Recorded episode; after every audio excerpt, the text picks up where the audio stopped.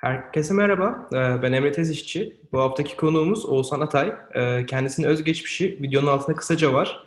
Ama e, biz isterseniz e, ben hep bu sefer durdurdum. E, Kendisinden dinleyerek başlayalım. Ben inanılmaz etkilendim özgeçmişinden ve şu an yaptığı işten. Ee, Siz direkt kendi özgeçmişinizden, eğitim hayatınızdan, kariyerinizden bahsederek başlarsanız sonra soru cevap olarak devam ederiz. Tamam, teşekkür ederim ee, öncelikle. Ee, ben Koç Lisesi'nde e, okuduktan sonra lisansımı Princeton Üniversitesi'nde moleküler biyoloji ve genetik alanında yaptım. Ee, aynı zamanda yan dal olarak e, bilgisayar, e, matematik ve fizik de okudum orada. Oradan mezun olduktan sonra doğrudan doktoraya başladım Stanford'da. Stanford'un Stanford'da doktoranın son senelerine doğru bitirmeye yaklaştığımızda Princeton'dan arkadaşlarımla birlikte onlar da doktora yapıyordu sırada. E, genetik ile ilgili anne kanından e, bebekteki genetik hastalıkların tespiti ile ilgili e, bir fikrimiz vardı. E, bu fikri bu fikir ile e, bir girişimcilik e, girişimciliğe başladık. E, sonra doktoradan mezun olduktan sonra da buna devam ettik. Y Combinator'a kabul aldık. Şu an e, testlerimiz e, klinik aşamanın ortasında. E, inşallah senenin sonuna doğru ya da gelecek senenin başlarına doğru bu testlerimizi sunabileceğiz insanlara, kullanabilecekler. Burada en önemli noktalardan bir tanesi benim bahsetmek istediğim e, genetik hastalıklar tahmin ettiğimizden daha yaygın. E, 100 e, genelde 100 hamileliğin üçünde e, genetik ya da ona benzer e, bir hastalık olabiliyor.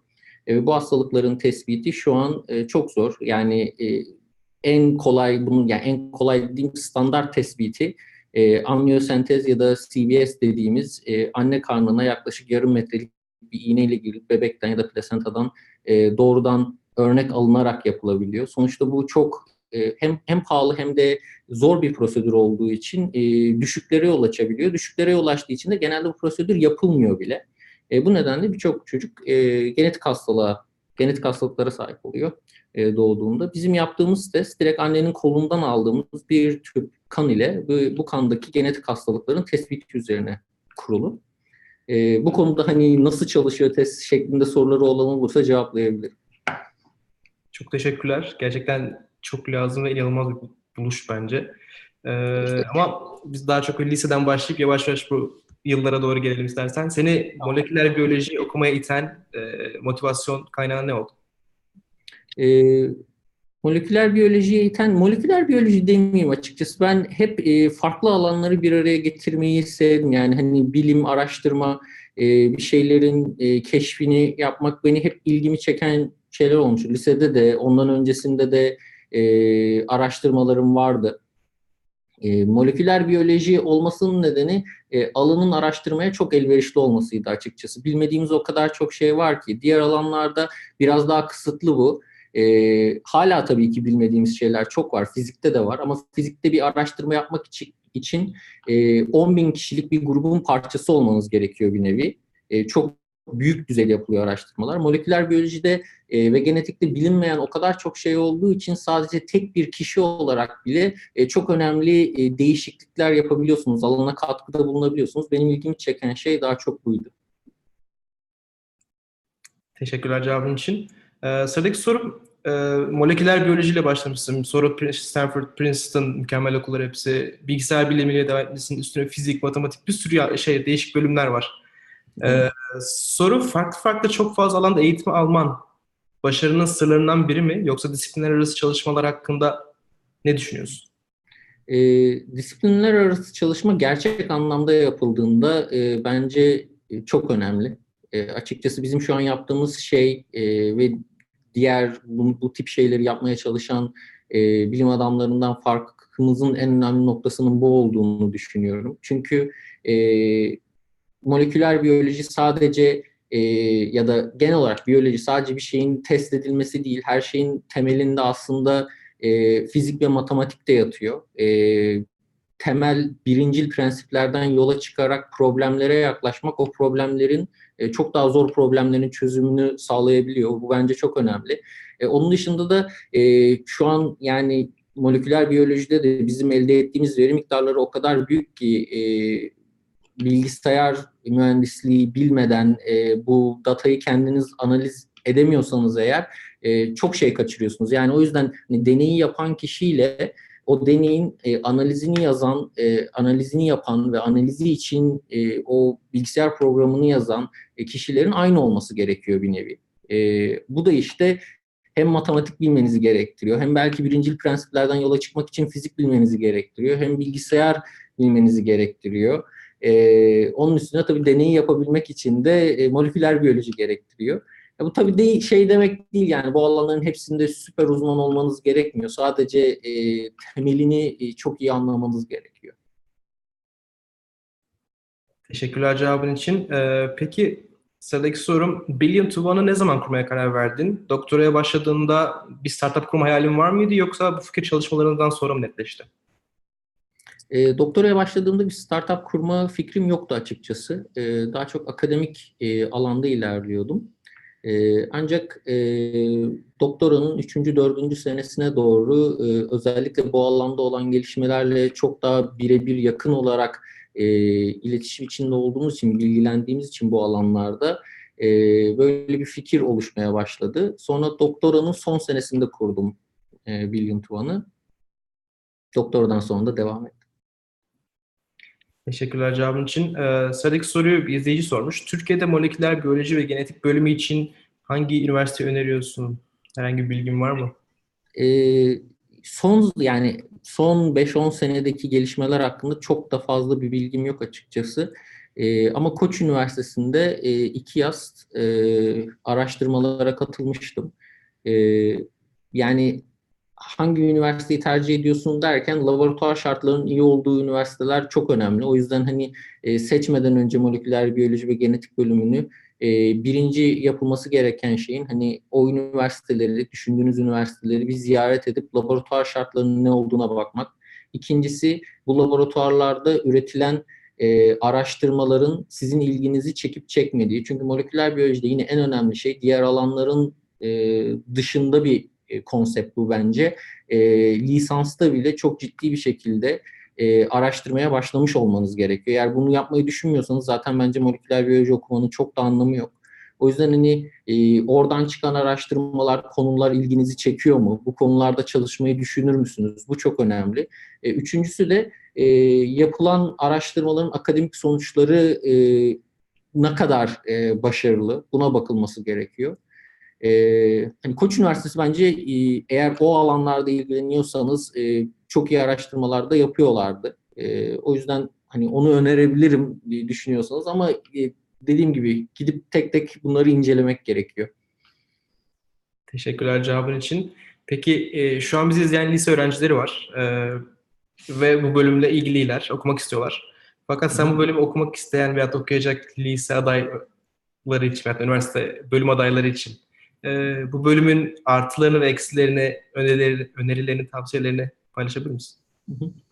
E, bence moleküler biyoloji çok güzel bir bölüm e, ve geleceği de olan bir bölüm. Türkiye'de belki moleküler biyoloji şu noktada e, yeterince belli bir seviyeye ulaşmadı ama e, nasıl e, işte Web 1, Web 2 şeklinde e, bilgisayarda çok önemli gelişmeler olduysa e, transistörlerin yoğunluğu, Moore's Law e, Morse kanunu dolayısıyla giderek yoğunlaşıp bilgisayarlar çok daha iyi hale gelmişse benzer gelişmeler e, moleküler biyolojide de oluyor. Özellikle sekanslama alanında. Yani DNA dizisinin e, deki işte bu e, A, T, G, C şeklindeki bazıların e, okunması alanında e, bunun fiyatı, aynı bilgisayarların fiyatları nasıl düştüyse aynı şekilde, aynı hızda düşmeye devam ediyor. Ve de bu alanda çok önemli, çok hızlı gelişmelerin olmasını e, sağlıyor. E, belki hatırlıyorsunuzdur 2002-2003'te e, 2000'lerin başlarında diyeyim e, haberler vardı işte insan gendisi e, çıkarıldı şeklinde. E, o araştırmalar milyarlarca dolara mal oluyordu. Tek bir insanın gendisinin e, gen sekansının çıkarılması, DNA'sının okunması. E, şu an bu e, neredeyse 1000-1500 dolar seviyesine kadar düştü ve düşmeye de devam ediyor. E, bunun da getirdiği çok önemli değişiklikler var. E, bu değişiklikler şu an tam olarak tıbba uygulanmadı ama uygulanmaya başladı ve bu değişikliklerin tıbba uygulanmaya başlaması tıbbı da tamamen değiştirecek. Ama burada hani demek istediğim birkaç şey var. Moleküler biyoloji okuyorsanız sonrası yani uzun bir süreç bu. Sadece lisans okuyamazsınız. Moleküler biyoloji okuduktan sonra doktora da yapmanız gerekiyor. O yüzden e, hani ben moleküler biyoloji okuyayım sonra bir yerde çalışmaya başlayayım şeklinde düşünüyorsanız e, çok uygun olmayabilir. E, onun dışında yurt dışında e, doktora yapmanız gerekiyor bence. E, o yüzden hani e, girdiğiniz üniversitenin yurt dışı bağlantılarının olup olduğundan emin olmanız lazım. E, girdiğinizde iyi çalışmanız gerekiyor. Çünkü genelde Türkiye'deki üniversitenin işte ilk 3-5'ine giren insanlar ancak iyi doktora programlarına kabul alıyorlar. E, o nedenle hani nereye giriyorsanız o programın iyi olduğundan emin olup ondan sonra oranın ilk 3-5'ine girmek için sağlam bir çalışma yapmanız gerekiyor ve ondan sonra da 5 sene doktora yapmanız gerekiyor. O yüzden uzun bir süreç. Yani e, bu süreç olarak e, gözünüzde büyümüyorsa e, alan çok bence genişleyecek ve e, sadece Amerika'da değil diğer ülkelerde de tıbbın içine girecek. E, ama e, bu kararı verirken bence emin olun. E, şöyle düşünün hani tıptan bile daha uzun bir süreç. E, doktor olmaktan. E, ama aynı zamanda da çok eğlenceli, çok güzel yanları da var. E, o yüzden e, tamamen e, bu zor kararı size bırakıyorum. Herkes kendini daha iyi bilir. Teşekkürler cevabın için. Ee, sıradaki soru Y Combinator ile ilgili. Sence Y Combinator gibi önemli bir hızlandırma programına kabul almanda ne etkili oldu? Ee, birkaç faktör var Y Combinator'a kabul almamızda etkili olan. Ee, y Combinator'ın önem verdiği şeylerden biri e, eğer e, klasik e, alanların dışında alanlardaysanız e, o alanda uzmanlığa çok önem veriyorlar. Çünkü bunun e, bu uzmanlığın e, bu uzmanlık onlarda yok ama bu uzmanlığın olması ürünün başarılı olması için en önemli sebeplerden bir tanesi olarak görülüyor. E, biz üç kişi başvurduk. Üçümüzün de doktorası vardı. E, bu önemli faktördü. Hepsi iyi okullardan doktorası olan, bu alanlarda çalışmış ya da işte bu alanda Nobel ödülü olan insanlarla birlikte çalışmış insanlarla insan grup bir grupla başvurduk üç kişi. Bunun dışında e, Y Combinator e, regülasyonu yani e, kontrollü olan e, tıp gibi, e, moleküler biyoloji gibi alanlarda e, tabii ki ürünün şu an satışta olmasını beklemiyor ama ürünle ilgili tam zamanlı olarak e, uzun bir süredir çalışılıyor olmasını bekliyor. Ürünün hazırlanmış olmasını bekliyor. Yani en azından belli bir e, klinik aşamaya gelinmiş olmasını bekliyor. Eğer daha e, genel konuşmak gerekirse, e, çoğu kişiye hitap eden diğer alanlarda konuşmak gerekirse, e, en önemli baktıkları şeylerden bir tanesi ne kadar hızlı büyüdüğünüz ve kaç kişinin sizi kullandığı. E, bu, bu çok önemli. Yani sonuçta e, belki eskiden bundan 10 sene önce Y Combinator'a başvururken bunların hiçbiri gerekmiyordu ama e, şu an baktıkları en önemli şeylerden biri yaptığınız şeyi insanlar istiyor mu? Ve yaptığınız şeyi insanların isteyip istemediğini göstermenin en kolay yolu sizin her hafta %10, %20 büyüme rakamlarına sahip olup e, çok kısa bir sürede e, işte bundan 2 ay önce ya da 3 ay önce başladık. Şu an e, işte 30 bin, 40 bin kullanıcıya ulaştık ve işte her hafta şu hızla büyüyoruz şeklinde e, bu rakamların e, bu rakamları çok ciddiye alıyorlar. Onlar için en önemli faktör bu. Teşekkürler. Yine izleyicilerden gelen bir soru iletiyorum. Ee, çok bildiğim bir şey değil. Belki yanlış e, pronons edebilirim. CRISPR gerçekten dünyayı değiştirebilir mi? Bu konuda ne, ne düşünüyor diye sormuş. Hı hı. E, CRISPR çok önemli bir teknoloji. E, öncelikle hani bilmeyenler için e, bahsetmek gerekirse e, CRISPR e, bu DNA dizilerinden bahsettik. E, hepimizde işte bu ATGC'lerden oluşan DNA dizileri var. E, bu ve genelde moleküler biyolojide ya da diğer alanlarda e, hücre biyolojisinde bir deney yapmadan önce yapılması gereken önemli şeylerden biri bu DNA dizisini bir şekilde değiştirmeniz gerekiyor. Kontrollü deney yapmak için önce bir normal hücreleriniz oluyor. Bir de e, onu bir şekilde değiştirip mesela bir mutasyonun etkisini ölçmek istiyorsunuz ya da başka bir şey yapmak istiyorsunuz. O aynı hücrelerde o değişikliği yapmanız gerekiyor DNA dizisinde. E, bunu e, model organizma dediğimiz işte e, bakteri bira mayası e, gibi organizmalarda yapmak eskiden beri çok kolaydı zaten. Hani e, zor bir prosedür değildi. O yüzden de zaten gelişmelerin önemli bir kısmı bu alanlardan çıktı. Ancak e, günümüze geldiğimizde e, bu alanlardaki uygulamaları biz işte farelerde ve ondan sonra e, daha işte kompleks organizmalarda görmek istiyoruz aynı biyolojik faktörleri. Ama bunu yapmak için e, bu kompleks canlılarda değişiklikleri yapmamız gerekiyor. CRISPR bunu sağlayan bir metot.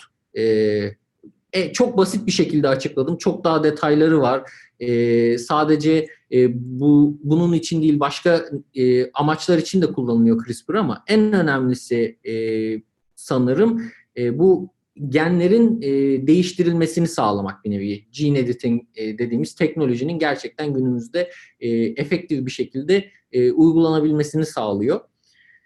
Dünyayı değiştire, değiştirecek mi? Evet yani özellikle e, araştırmaları çok hızlandırdığı bir kesin, e, bir gerçek. Onun dışında e, özellikle kan hastalıklarında e, CRISPR'ın e, önemli etkileri olacağını düşünüyoruz. Yani şu an mesela e, bizim de baktığımız e, sickle cell, e, Akdeniz anemisi deniyor. Akdeniz anemisi, e, be, e, beta talasemia, beta talasemia e, bu tip hastalıklarda e, kan hücrelerinde e, bozukluklar oluyor. E, bu hastalıkların tedavisinde o e, kök hücrelerin alınıp e, o kök hücrelerinin o mutasyonun düzeltilip e, insana yeniden e, konulup yeniden o kök hücrelerin üremesini sağlayarak en azından kandaki hücrelerin bir kısmının e, doğru e, hemoglobini üretmesi ve bu sayede de e, bu kan hastalıklarının e, tedavisini sağlanmasında çok önemli bir etkisi olacağını düşünüyorum açıkçası. Bu alanda da önemli gelişmeler var. E, ama diğer açıdan eğer düşünüyorsanız ki CRISPR kullanılarak işte embriyolar değiştirilecek ve işte tüm genetik hastalıklar yok edilecek. E, bunun çok fazla olabileceğini zannetmiyorum. Çünkü hala hata payı olan bir süreç. O yüzden hani gidip e, embriyoda göz rengini e, kahverengiden maviye çevireceğiz şeklinde uygulamaların olacağını açıkçası önümüzdeki 30 sene içinde bile beklemiyorum. E, yapılamayacak şeyler değil sadece hata payı olduğu için uygulamaya geçmeyecek şeyler. E, ama özellikle kan hastalıkları e, belli e, bu şekilde e, tedavisi olabilecek bazı hastalıkların tedavisinde önemli rolü olacak ama diğer yandan aynı zamanda en önemli etkisi e, araştırmaların hızlanması olacak diye düşünüyorum. Teşekkürler cevabın için. Ben de yeni bir şey öğrenmiş oldum. ee, sıradaki soru hem akademik hayat hem de startup dünyasını deneyimlemiş birisi olarak ikisini karşılaştırabilir misin? Sen hangisini daha çok sevdin? Hatta ikisi beraber mi şu an? E, ikisinin de çok güzel yanları var açıkçası. E, hem akademik hem de e, girişimciliğin. E, akademik alanda kalmamamın e, sebeplerinden bir tanesi özellikle bizim alanı özgü bir neden açıkçası. E, sayı yani doktora yapan kişi sayısı giderek arttığı için e, doktoradan sonra eskiden e, 1-2 sene içinde hocalığa baş biliyorken şu an e, Harvard, Princeton, Stanford, Yale e, bu tip iyi okul, MIT bu tip iyi okullarda hoca olmak istiyorsanız e, doktoranın üzerine en az bir 6, 7, 8, 9 sene daha postdoc olarak çalışmanız gerekiyor. ve bu sürede giderek artıyor ve ben bu sistemin hani bir nevi piramit sistemine dönmeye başladığını düşünüyorum. E, bu insanlar bir nevi kullanılıyorlar. Bunlar çok başarılı insanlar. E, akademide kalmak istedikleri için e, çok uzun seneler, çok kötü şartlarda e, düşük maaşlarla çalışmaları gerekiyor. Çok eğitimli olmalarına rağmen. E, ve bunun sonunda da yine bir garantisi yok. Çünkü yaptığınız araştırmaların en temelde çok başarılı olmasının e, kilit noktası özellikle akademide e, ilginç e, daha önceden hiç fark edilmeyen sonuçlar ortaya konulması. Ama tabii ki ilginç, daha önceden hiç fark edilmeyen bir sonuç ortaya koymayı tahmin edemezsiniz. Yani bu konuda çok iyi araştırmalar yapmaya çalışabilirsiniz ama hiçbir şey de ortaya koymayabilir. Ee, bu sistemde bu sistemde biraz adil olmadığını düşünüyorum. Yani çok başarılı, çok iyi insanlar e, senelerce çalıştıktan sonra e, iyi yerlere gelmeyebiliyorlar. E, tabii ki girişimcilikte de aynı şeyler olabiliyor ama biraz daha kader sizin elinizde biraz daha etkileyebiliyorsunuz diye düşünüyorum sonuçları. E, o açıdan e, girişimciliği daha çok seviyorum. Onun dışında girişimcilik tabii ki biraz daha stresli, e, biraz daha hızlı, e, biraz daha sonuç odaklı, biraz daha tıbba yakın. E, bu tip farklılıkları var. E, özellikle stres konusunda ya da işte e, stres konusunda iyiyseniz girişimciliği tavsiye ederim akademiye göre. Ama ben hani strese gelebilen bir insan değilim, daha rahat olmak istiyorum diyorsanız e, akademik e, yoldan gitmek çok daha uzun bir süreç olmasına rağmen çok daha az stresli. Teşekkürler tekrardan cevabın için. Ee, sıradaki soru yine bir izleyiciden gelmiş. Genetik mühendisliğinin yanında fiziği yan dalarak okumak ne gibi faydası oldu? Hı hı. Bu konuda bilgi verebilir misin diye sormuş. Ee, yani mesela çok basit e, bir örnek vermeye çalışacağım. Ee, fizik okuduğunuzda belli e, proseslerin e, hata paylarını çok daha iyi anlayabiliyorsunuz mesela. E, bizim yaptığımız testten bir örnek vereyim. Anne kanından bir ya da iki tüp kan aldığınızda e, oradaki toplam e, DNA miktarı diyeyim ya da DNA e, reprezentasyonunu e, yaklaşık e, 10 bin total DNA molekülüne tekabül ediyor. E, şimdi bu sayı çok bir şey ifade etmeyebilir ama fizik biliyorsanız eğer e, buradan işte bunun bir Poisson e, proses olduğunu çıkarıp sonra bu 10 bin e, moleküldeki hata miktarının en düşük 100 olması gerektiğini bulup testte yaptığınız iki şeyin karşılaştırması nedeniyle e, ikinin karekökü şeklinde bir katsayıyla çarpılması gerektiğini tespit edip mesela şunu diyebilirsiniz. Bu prosedürde biz mükemmel bir şekilde bu prosedürü uyguladığımızda bizim hata payımız e, en düşük %1.4 olacaktır.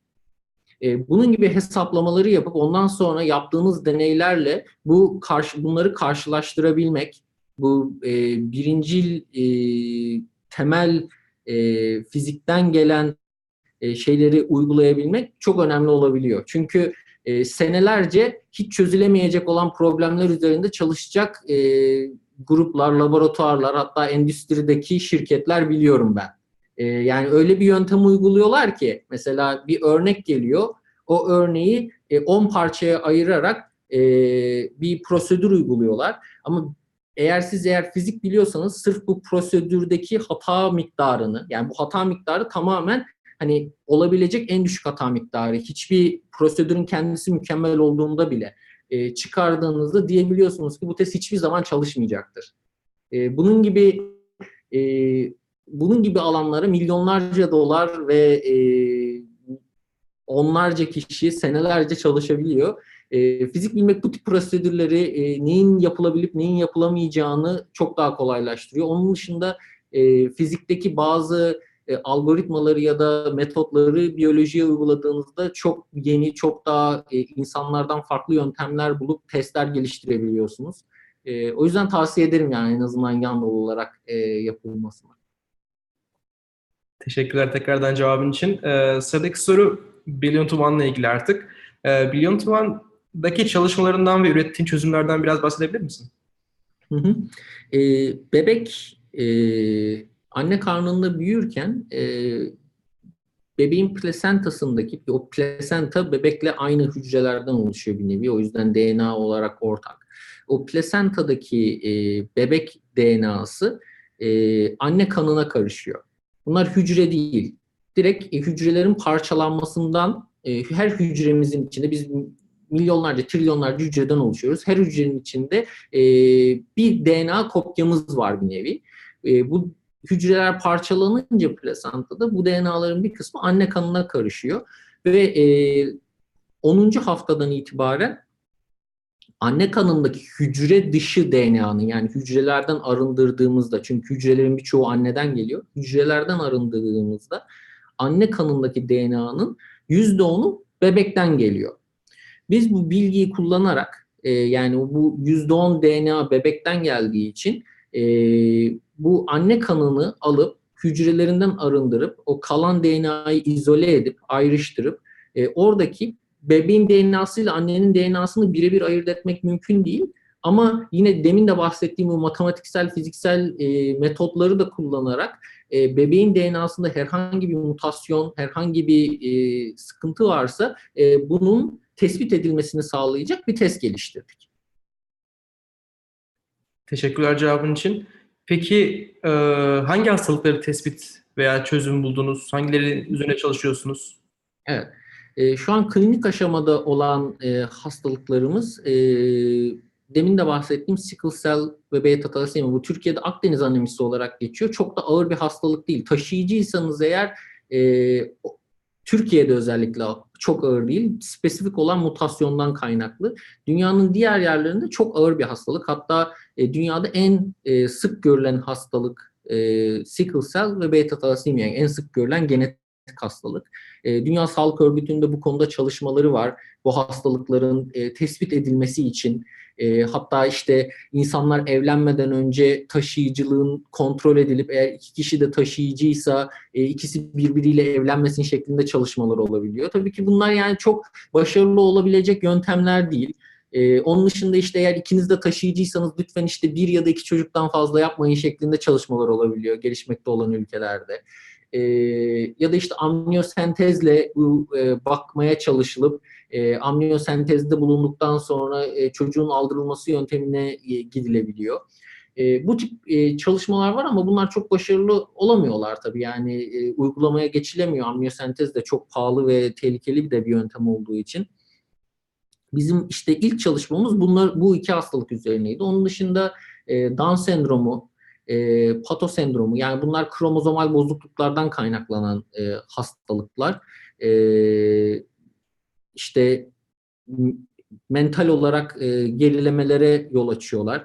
Sickle cell ve beta talasemiye kan hastalığı. Ee, özellikle beta talasemide mesela beta talasemiye sahip olan insanlar her hafta e, başka birinden kan alması gerekiyor ve bunu aldığında bile e, belli bir süre sonra demir yüklenmesi olduğu için e, krizlere girip e, ölümlere yol açabiliyor. Genelde de gelişmiş ülkelerde bile ortalama yaş e, 25-30'un üzerine çıkamıyor. Yani çok ciddi hastalıklar. E, en önemli şeylerden bir tanesi bu hastalıkların üzerine gitmemizin nedenlerinden biri de e, demin de bahsettiğimiz o CRISPR'la da biraz ilgili. Çünkü CRISPR'ın e, ya da diğer e, gen e, edit etme yöntemlerinin ilk çözeceği hastalıklardan bir tanesi. Ama bunun için e, kök hücreye ihtiyaç duyuluyor. E, kök hücreyi de e, en kolay alabilmenizin yolu çocuk doğduğunda o kordon bağını e, e, doğru koşullarda saklamak. Ancak bu prosedür de pahalı bir prosedür. O yüzden kimse bunu yapmıyor. E, bunu yapabilmenin aslında en kolay yolu eğer çocukta bir kan hastalığı olduğunu tespit ederseniz siz hamilelik sırasında e, o e, göbek bağını saklayıp e, o göbek bağından alınacak yani saklayacak derken dolapta değil tamamen tıbbi prosedür bu.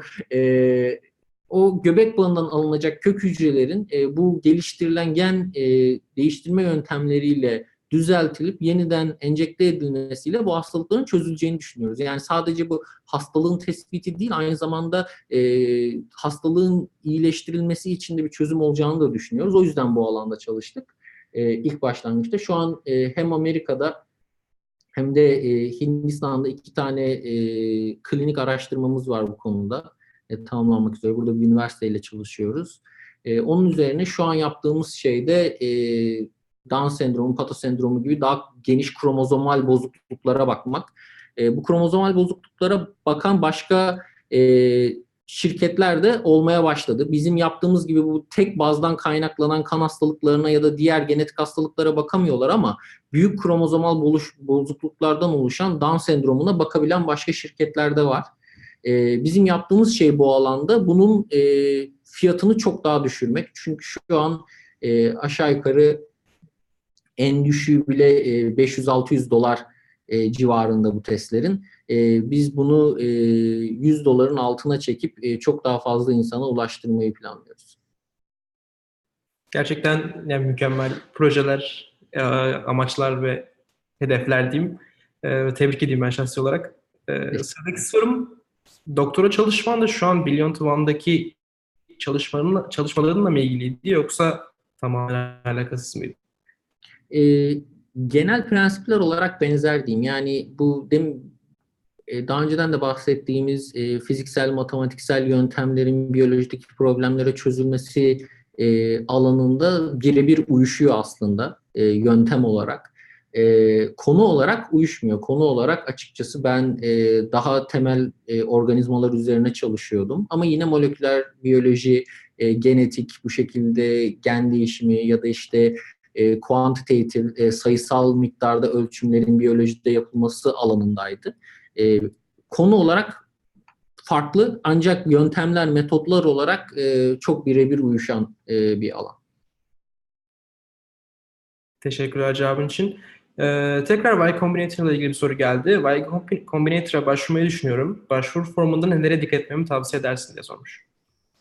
Ee, başvuru formunda dikkat edilmesi gereken şeylerden bir tanesi e, alanını yani yaptığın konuyu çok iyi araştırmış olman gerekiyor. Yani gerçekten çok iyi biliyor olmuş olman gerekiyor. Yani biri bir sorunu çözmeyi planlıyorsan eğer bir bir, bir, bir sorun e, zaten yani bu yüzden girişimcilik yapılır. Bir sorun vardır. Bu sorun senin gerçekten ilgini çekiyordur ve bunun çok daha iyi bir çözümü olduğunu düşünüyorsundur. Bu alanda çalışıyorsundur. Bu sorunu olan e, bir sürü insanla konuşmuş olman lazım. Yani gerçekten alanı çok iyi biliyor olman lazım. E, en önemli şeylerden bir tanesi bu. Yani eğer e, restoranlar konusunda bir iş yapıyorsanız e, gidip e, 100 tane restoran sahibiyle detaylı bir şekilde konuşmuş olmanız gerekiyor. Bu gerçekten bir problem mi? Yaptığınız şey bunu çözebilecek mi? E, eğer e, insurance konusunda çalışıyorsanız, e, sigorta konusunda çalışıyorsanız e, hem bu sigorta sistemleriyle ilgili çok detaylı bilginizin olması gerekiyor hem de bunu kullanacak olan insanlarla gidip konuşmuş olmanız gerekiyor. Satacak olan insanlarla gidip konuşmuş olmanız gerekiyor. En önemli şeylerden biri bu. Yani gerçekten gidip kullanıcılarınızla çok yakın bir şekilde e, sürekli e, konuşuyor ve bilgileri alıp bunu uygulamaya döküyor olmanız lazım. Eğer bunu yapmıyorsanız ya da eksik yapıyorsanız zaten başvuruda direkt ortaya çıkacaktır. E, diğer ikinci şey de e, Y Combinator diğer e, işte bu TechCrunch ya da diğer alanlarda gördüğünüz makalelerin dışında biraz daha net olmanızı ister. Yani e, başvuruyu yaparken böyle e, buzzwords diyebileceğimiz böyle hani e, makalelerde geçen işte şunu kullanarak şunu yapıyoruz e, tarzı e, ifadeler Y Combinator'da ters tepecektir. Çok net bir şekilde, sade bir dille e, bir nevi yani annenize ya da yakınınızla bu alanda alakası olmayan birini anlatıyormuş gibi net bir şekilde anlatmanız gerekiyor her şeyi. Ee, eğer böyle hani şu kelimeyi de yazalım, şu şekilde anlatalım diyerek Y Combinator'ın ilgisini çekeriz diye düşünüyorsanız yanılıyorsunuz. O şekilde çalışan bir e, incubator değil. Ee, yani o bu iki şeye çok dikkat etmenizi tavsiye ederim. Teşekkürler cevabın için. Ee, sıradaki soru yine bir izleyiciden gelmiş. Ee, Barış Can Fırat sormuş. Tıp okusaydınız bunları yapabileceğinizi düşünür müydünüz? E, tıp okusaydım bunları yapamazdım, hayır. E, çünkü yaptığımız şey tıptan açıkçası bayağı uzak. E, tıpta daha çok daha önceden e, bulunan, e, yapılan uygulamaların e, iyi bir şekilde öğrenilmesi var. Hani benim tıbba saygım çok büyük. Babam doktor zaten e, Türkiye'de. E, ve moleküler biyoloji okuduktan sonra bu araştırmaları yaparken de bu alanda çalışan tıp doktorlarıyla tabii ki birebir yakın olarak çalışmamız gerekiyor. Demin bahsettiğim şeyle birebir olarak gidip e, onlarca e, belki yüzlerce doktorla konuşmuş olmamız gerekiyor. Böyle bir çözüm gerçekten gerekli mi? Neyi kaçırıyorum? Neyi bilmem gerekiyor? E, bir tüp kan mı almamız gerekiyor? İki tüp alırsak sıkıntı olur mu?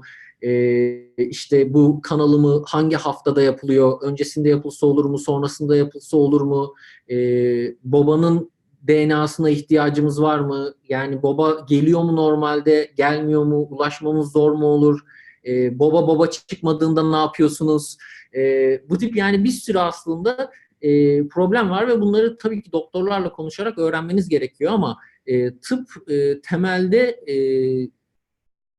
biyolojik alanlardaki gelişmeyi sağlayan bir alan değil. O yüzden tıp okusaydım e, bunları yapamazdım. Hayır. Teşekkürler cevabın için. Ee, sıradaki sorum start, startuplarda başarıda takımın bir numaralı etkenlerden birisi olduğunu biliyoruz. Siz startup takımınızı e, kurarken nelere, seçerken nelere önem verdiniz, nasıl seçtiniz? Hı hı. Ee, ya bu konuda e, Y Combinator'ın işte Startup School ya da e, videoları da var. E, onları kesinlikle izlemenizi tavsiye ederim. E, çok e, yararlı olabileceğini düşünüyorum. Hatta sık sık yeniden izlemenizi de tavsiye ederim. Çünkü daha ilk seferde kaçırdığınız şeyler de olabiliyor.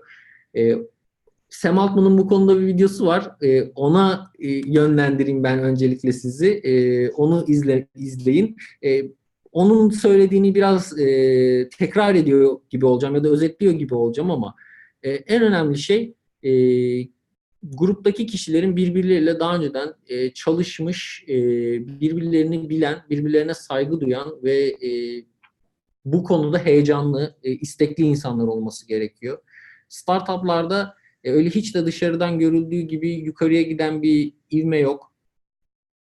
Yani sürekli e, sorunlarla karşılaşıyorsunuz. Sürekli e, bir sıkıntı çıkıyor ve bu sıkıntıların bazıları gerçekten e, sizin e, birlikte olduğunuz kişilere e, belki de aptalca olacak bir güvene e, güvenle bağlı olmanızı gerektirebiliyor. E, o yüzden hani birlikte çalıştığınız kişilerin e, gerçekten işte yakın yani arkadaş olmanıza gerek yok belki ama e, gerçekten daha önceden de e, yakın bir şekilde çalıştığınız kişiler olması gerekiyor. E, çalışma stillerini, stres altında nasıl olduğunu, e, size destek olup olmayacağını, zor bir durumda şirketi bırakıp gidip gitmeyeceğini bunların hepsini bilmeniz gerekiyor bir nevi. E, en önemli şey bu açıkçası. E, ikinci ya da üçüncü aşamada gelen şeyler, ikinci aşamada o kişi ne kadar yeni şeyler öğrenmeye yatkın. E, yani biz kurarken e, açıkçası Princeton'da birlikte yaşadığım, e, 10 seneden fazladır tanıdığım ve bu alanda da uzman olan kişilerle kurdum. Hep iki kişinin de, üç kişiyiz biz, iki kişinin de çalışma stillerini biliyordum. Ee, ve hani bu konuda hepimiz heyecanlıydık. Bu şekilde kurduk.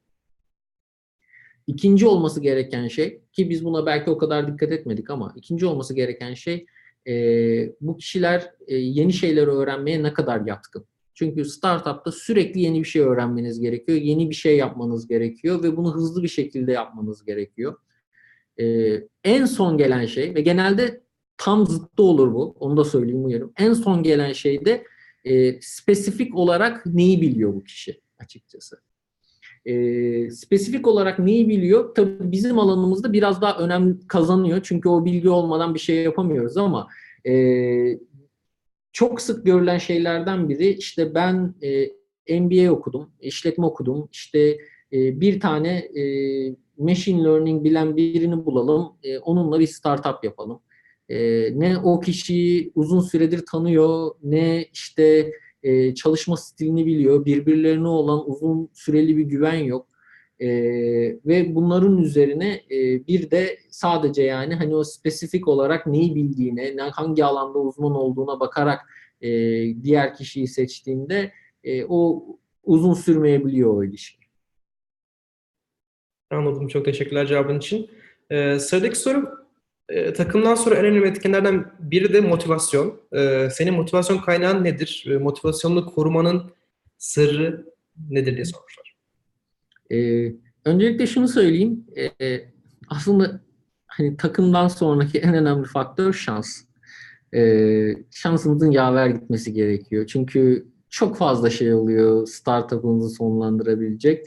E, bazen de bazı şans, tabii ki yani o şansınızı biraz kendiniz yaratmanız gerekiyor. Bu e, Black Swan etkisi dediğimiz kendinizi e, şirketi bir sonraki aşamaya getirecek şeylere e, kendinizi açmanız gerekiyor ama e, önemli bir faktör, çok önemli bir faktör de şans. E, öncelikle onu unutmayalım ve o yüzden bu motivasyonla da şöyle bağlantılı. E, eğer önemli bir faktörün şans olduğunu e, bilirseniz eğer şöyle bir şey oluyor. Zorluklarda bile devam edebiliyorsunuz. Çünkü bir nevi kendinizi de çok suçlamamanız gerekiyor. Daha stabil olmanız gerekiyor. Demin, demin de bahsettiğim gibi çok stresli bir ortam. E, o yüzden hani o stabiliteyi sağlamak çok önemli. Ne kötü bir şey olduğunda çok fazla üzülüp ne de çok iyi bir şey olduğunda çok fazla sevinmeniz gerekiyor. Ee, motivasyon yani özellikle çok ilgilendiğiniz bir alanda çalışıyorsanız motivasyon zaten kendiliğinden geliyor. Yani bizim yaptığımız işte e, etkisini görebilmek o kadar net ki milyonlarca e, bu hastalığa sahip olan insan var ve e, bu, bu belki de insanlıktaki en önemli genetik hastalıklardan, en önemli problemlerden bir tanesi. E, buna bir çözüm e, yaptığınızı bildiğinizde ve bunu yaparken sizden yüzlerce milyon dolar daha fazla olan, daha fazla e, kaynağı olan şirketlerden çok daha iyi bir iş çıkardığınızı bildiğiniz zaman bu yeterince motivasyon oluyor. Ancak hani motivasyonun dışında en önemli söyleyeceğim şeylerden bir tanesi de o stabilite. O stabiliteyi sağlayan şeylerden biri de bir bazı şeyleri e, kendi etkinizde olduğunuzu düşünmemeniz gerekiyor. Birçok şey kendi etkinizde ama şans faktörü de var. Elinizden gelen en iyisini yapmanız lazım her noktada. Hiçbir zaman da paniklememeniz gerekiyor. Açıkçası biz e, seed round'ımızı e, raise ederken e, yatırımcılarımızdan bir tanesi biz artık kapattıktan sonra birçok yatırımcıyı reddettikten sonra e, bize e, ki round'ın neredeyse yarısı kadardı yazdığı çek e, milyon dolar seviyesinde diyeyim. E, bize e, e-mail ile e, işte şöyle bir sıkıntımız var eğer bunu yerine getirmezseniz e, biz işte parayı size yollamayacağız dedi. Ve bu tamamen anlaşma, sözleşme her şey imzalandıktan sonra. E, bu noktada bile yani yataktan kalkıp sakin bir şekilde tamam şimdi ne yapmam gerekiyor? E, diğer yatırımcılarla bir şekilde bunu çözmemiz lazım e, şeklinde sakin, çok stabil bir şekilde çözmeniz lazım. Yoksa mesela her şey iyi giderken bir anda her şey dağılabilir. Uzun bir cevap oldu ama.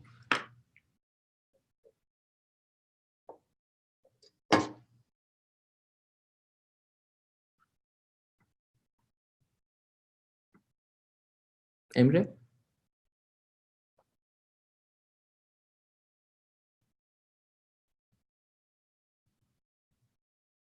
Emre'nin internetinde sıkıntı olabilir.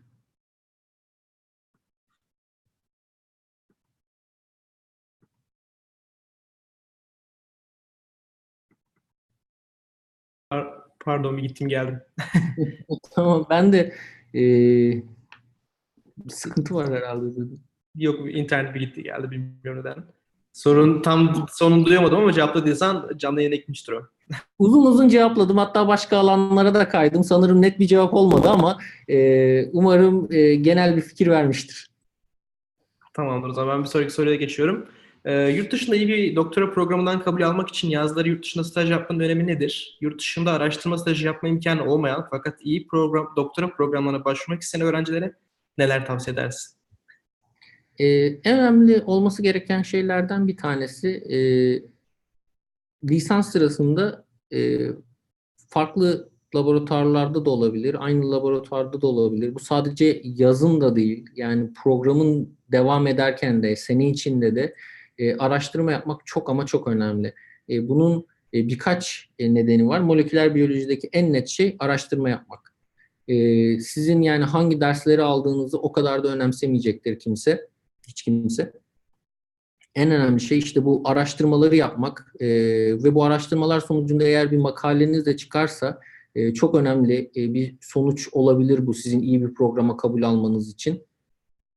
O yüzden hani birinci şey illa yurt dışında araştırma yapmak şeklinde düşünmeyip e, kendi üniversitenizde de e, oradaki hocalarla sene içinde de gönüllü bir şekilde araştırma yapmak, e, gidip onlarla konuşup hocam ben e, sizin alanınızda çok ilgileniyorum, makalelerinizi okudum, şöyle şöyle düşüncelerim var, yardımcı olmak istiyorum, e, öğrenmek istiyorum deyip başlangıçta çok basit şeylerle başlayıp giderek e, ilerleyen senelerde e, kendi projenize kadar ilerleyip sonra kendi projenizi de tamamlayıp doktora programlarınıza başvurduğunuzda bu çok önemli olacaktır. Yani yurt dışında bir e, açıkçası yani ben Stanford'da da e, doktora başvurularını gelen başvurulara e, inceledim, mülakat yaptım.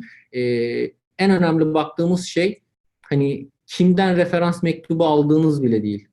E, en önemli baktığımız şey ne kadar bir süre araştırma yaptınız, ne yaptınız ve size referansı yazan kişi sizin hakkında ne diyor? Yani gidip iki ay yurt dışında bir çok iyi bir üniversite bile olabilir. Harvard bile olabilir. Orada araştırma yapıp e, çok iyi bir referans mektubu almadığınızda bu e, Türkiye'de Koç Üniversitesi, Bilkent e, bu tip bir yerde e, işte yaklaşık bir sene, iki sene e, sürekli bir araştırma yapıp oradaki hocanın sizin hakkınızda çok daha iyi işte gördüğüm en iyi öğrencilerden bir tanesi, e, çok e, araştırma konusunda istekli, e, şu şekilde bize de çok önemli katkıları bu oldu şeklinde yazacağı bir tavsiye mektubuna kıyasla e, ikincisi çok daha başarılı olacaktır. Teşekkürler cevabın için. Ee, sıradaki sorum, üniversite seçmeden önceki dönemde bugünlerle alakalı beklentilerin var mıydı? Varsa şu an bu beklentilerin neresindesin? diye sormuş. Soruyu tekrar alabilir miyim? Evet, e, biraz kapalı ben tekrar kendi düşüncemi söyleyebilirim. Üniversite seçmeden önceki dönemde bugünlerle alakalı beklentilerin var mıydı? Sanırım hedeflerin de hı hı. olarak sormuş. Varsa şu an bunun neresindesiniz diye sormuş. Ee, genel olarak yani beklentim şuydu açıkçası bu alana girmeden önce, üniversiteyi seçmeden önceki en önemli beklentim hangi alanda çalışıyorsa çalışıyor olursam olayım o alandaki en iyilerden biri olmak istiyordum. E, o alanda bir şeyleri değiştirebilmek istiyordum. E, bunu üniversiteyi seçmeden önceki düşüncelerim e, daha farklıydı tabii ki. Akademi e, akademisyen olarak bunu yapacağımı düşünüyordum. Şu an yapma yolum biraz daha farklı. E, o açıdan tabii ki farklılıklar var. E, lisans sırasında, doktora sırasında birçok şey öğreniyorsunuz. Bu da sizin e, hayata olan bakışınızı, e, yapmak istediğiniz hedefleri ve bu hedeflerin birebir etkilerinin nasıl olması gerektiği konusunda fikirlerinizi değiştirebiliyor. E, ama genel olarak hani e, yapmak istediğim şey e, yolunda ilerlediğimi düşünüyorum. Ama diğer taraftan da e, yolumuz çok uzun. E, daha çok yolun başındayız. E, daha hiçbir şey yapmış sayılmayız bence. E, o yüzden e, gerçekten e, global bir e, şekilde bu etkileri e, yaptıktan sonra ancak e, belli bir hedefe ulaştığı ulaştığımızı söyleyebilirim. Teşekkürler cevabın için. Ee, sıradaki soru Brilliant One'la ilgili tekrardan. Ee, şirkette çalışmalarınızda bilgisayar bilimiyle ilgili işler yapıyor musunuz? Bilgisayar bilimini nasıl kullanıyorsunuz? yazılım geliştiriciniz var mı? Ee, daha önce bahsettiğim konuyla ilgili olarak şirketteki neredeyse tüm bilim adamları e, çalışan, deney yapan insanlar e, aynı zamanda kendi yazılımlarını, data analizlerini ve kodlarını yazıyorlar. E, hatta yani bizim temel data paylaşım platformumuz GitHub. Bunun ben olması gerektiğini düşünüyorum. O yüzden hani her onun dışında genel olarak kurucularımızdan bir tanesi lisansını bitirdikten sonra e, burada Silikon Vadisi'nde e, bir şirkette bir sene e, bilgisayar yazılımcı olarak çalıştıktan sonra e, bioengineering e, alanında doktorasını yaptı. E, bizim işte bu e, bazı e, software paketlerimizin e, ilk geliştirilmesini o yapıyor. E, bu şekilde hani data analizi kısmında e, birçok e, çalışmamız var. E, yazılım kendi yazılımlarımızı yazmamız, machine learning algoritmalarını yazmamız, e, kendi custom paketlerimizi geliştirmemiz ve onun analizlerini yapmamız alanında.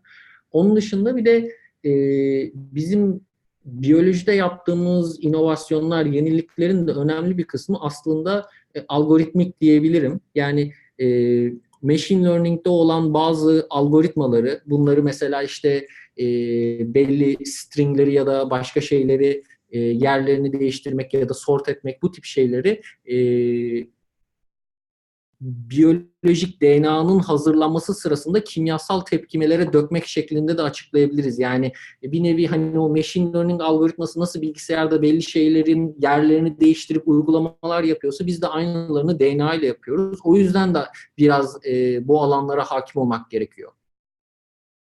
Teşekkürler. Ee, benim şahsi bir sorum var diyeyim ya sen de Silikon Vadisi'nde olduğu için çok sık duyuyorsundur işte bu işte machine learning, AI, blockchain bunlar inanılmaz e, popüler topikler.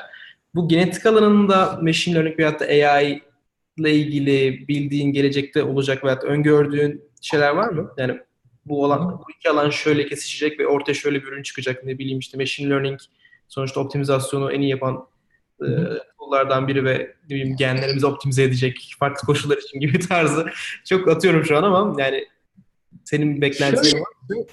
Şöyle var, e, hani mesela birçok e, doktorların yaptığı şeylerin önemli e, kısımlarında e, bir atıyorum mamogram çekiliyor ya da bir şey çekiliyor. Orada bir kitle görüyor ya da bir şey görüyor. E, onun analizini e, gözüyle yapıyor. E, onlara hani belki birebir e, doktorların e, doktorlara yardımcı olacak diyeyim. Onların dikkatini çekecek ya da bazı şeyleri flagleyecek e, sistemlerin e, geliştiğini e, görüyorum ve bunların başarılı olacağını da düşünüyorum. E, onun dışında e, yani buna benzer birçok alanı var işte radyografide ya da diğer alanlarda gene doktorlara yardım edecek machine learning, vision, e, AI bu tip alanların olacağını düşünüyorum. Doktorların bu alanlarda gelişmelerini sağlayacak. Ee, yine işte e, robotik e, surgery işte e, bu alanlardaki gelişmelerin önemli etkileri olacağını düşünüyorum. AI, machine learning bu alanların e, bunları çok geliştirebileceğini düşünüyorum. E, ama burada önemli söylemek istediğim şeylerden bir tanesi yani mesela finans alanında hala e, siz kredi kartıyla bir işlem yaptığınızda e, sistem önce onu bir flagliyor. E, ondan sonra flaglenenleri e, bir analiz üzerinden geçip yeniden kontrol ediyor. Bunun da aşağı yukarı benzer olacağını düşünüyorum e, tıbbi alanlarda da. E, yani tamamen e, robotik ya da tamamen bilgisayar olarak değil, bizim işimizi çok daha kolaylaştıracak, iş yükünü azaltacak şekilde uygulamaları olacağını düşünüyorum.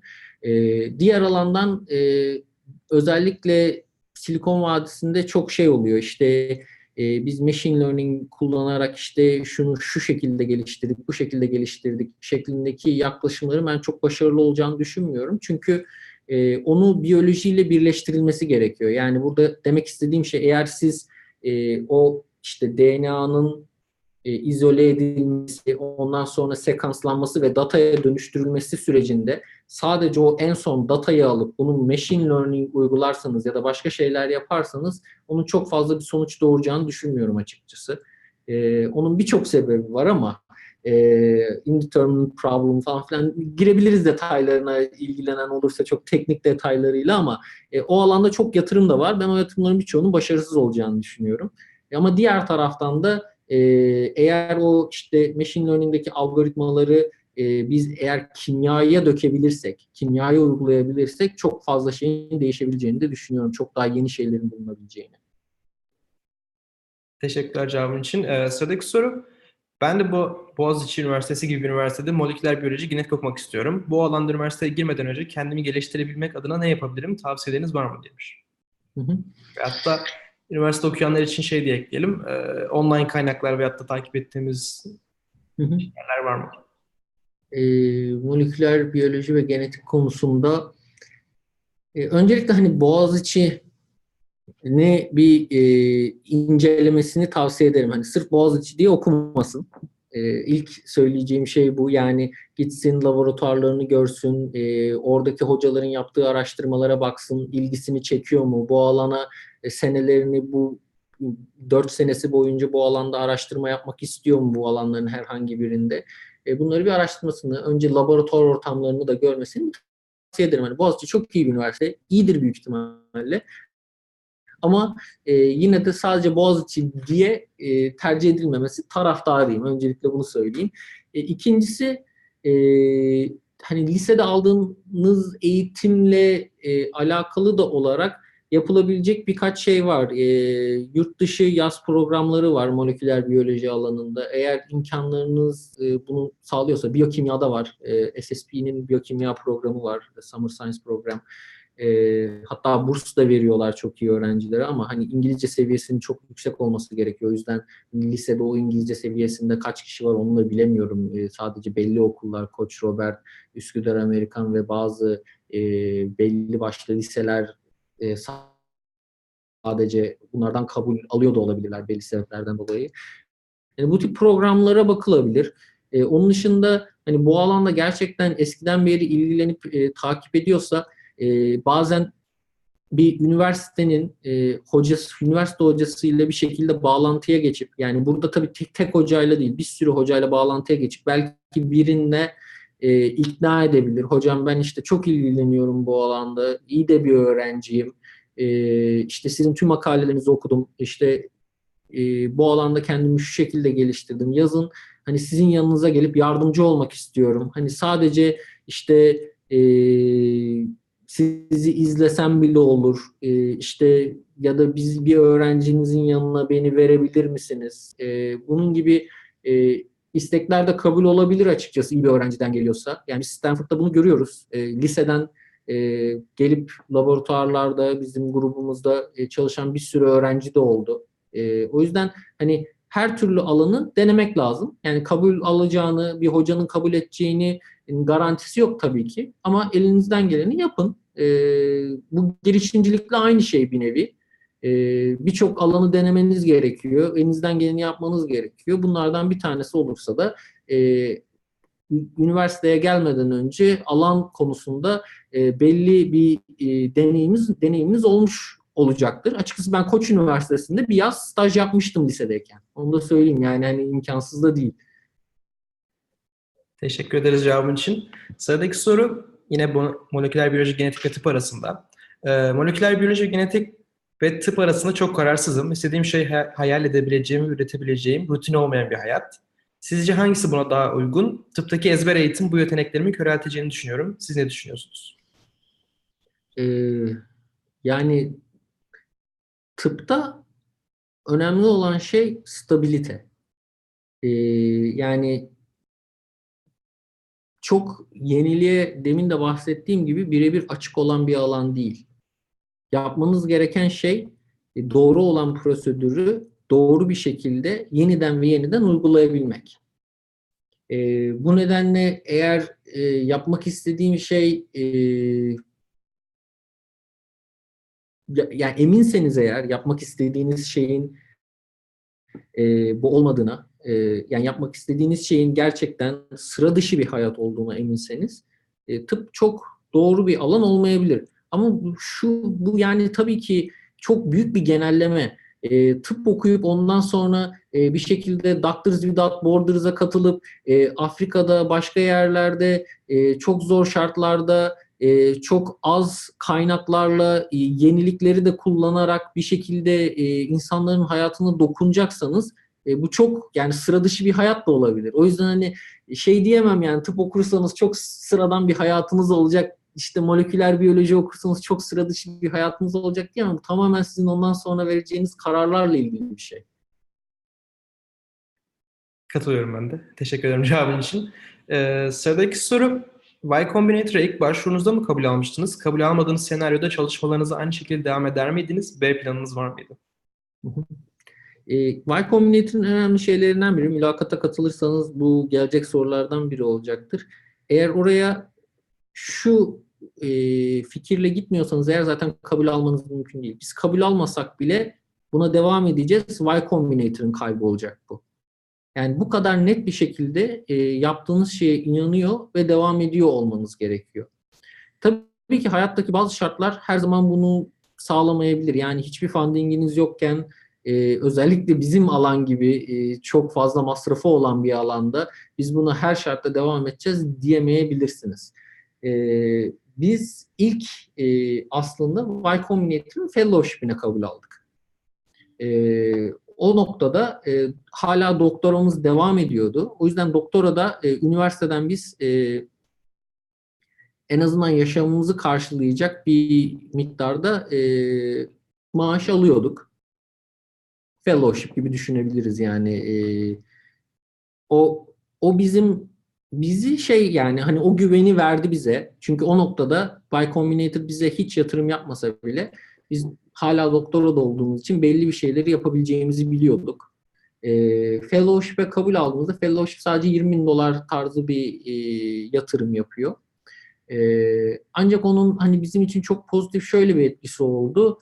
E, fellowship'ten sonra biz işte melek yatırımcılardan e, 300-350 bin dolar e, arası bir yatırım almayı başardık. O 20 bin doları da kullanarak ve e, yeni işte o düşündüğümüz fikri uygulamaya geçirip deneysel olarak çalıştığını gösterip e, aynı zamanda birçok doktordan e, işte bu çok önemli bir araştırma eğer bu ürün olursa ben hastalarıma kesinlikle tavsiye edeceğim şeklinde e, imzalı e, yazılar alıp e, onları da bir araya koyup e, sunduğumuzda e, melek yatırımcılardan yatırım aldık. E, 300-350 bin dolar. O bizim e, bir nevi bir sonraki aşamaya kadar yeterli olacağını düşündüğümüz bir yatırım sağladı. O yüzden Y Combinator'a gittiğimizde açıkçası biz çok Y Combinator olsa da olur, olmasa da olur.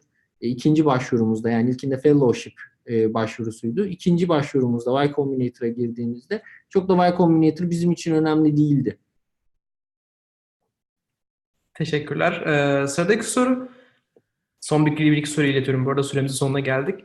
Ee, bir startup kurucusu olarak ekonomi, işletme gibi alanlarda da bilgi sahibi olmak gerektiğini tahmin ediyorum. Ee, moleküler biyoloji gibi birçok farklı alanda uzman, uzmanlaşmış biri olarak kendinizi startup'ın gerektirdiği yönetim gibi diğer alanlarda nasıl geliştirdiniz?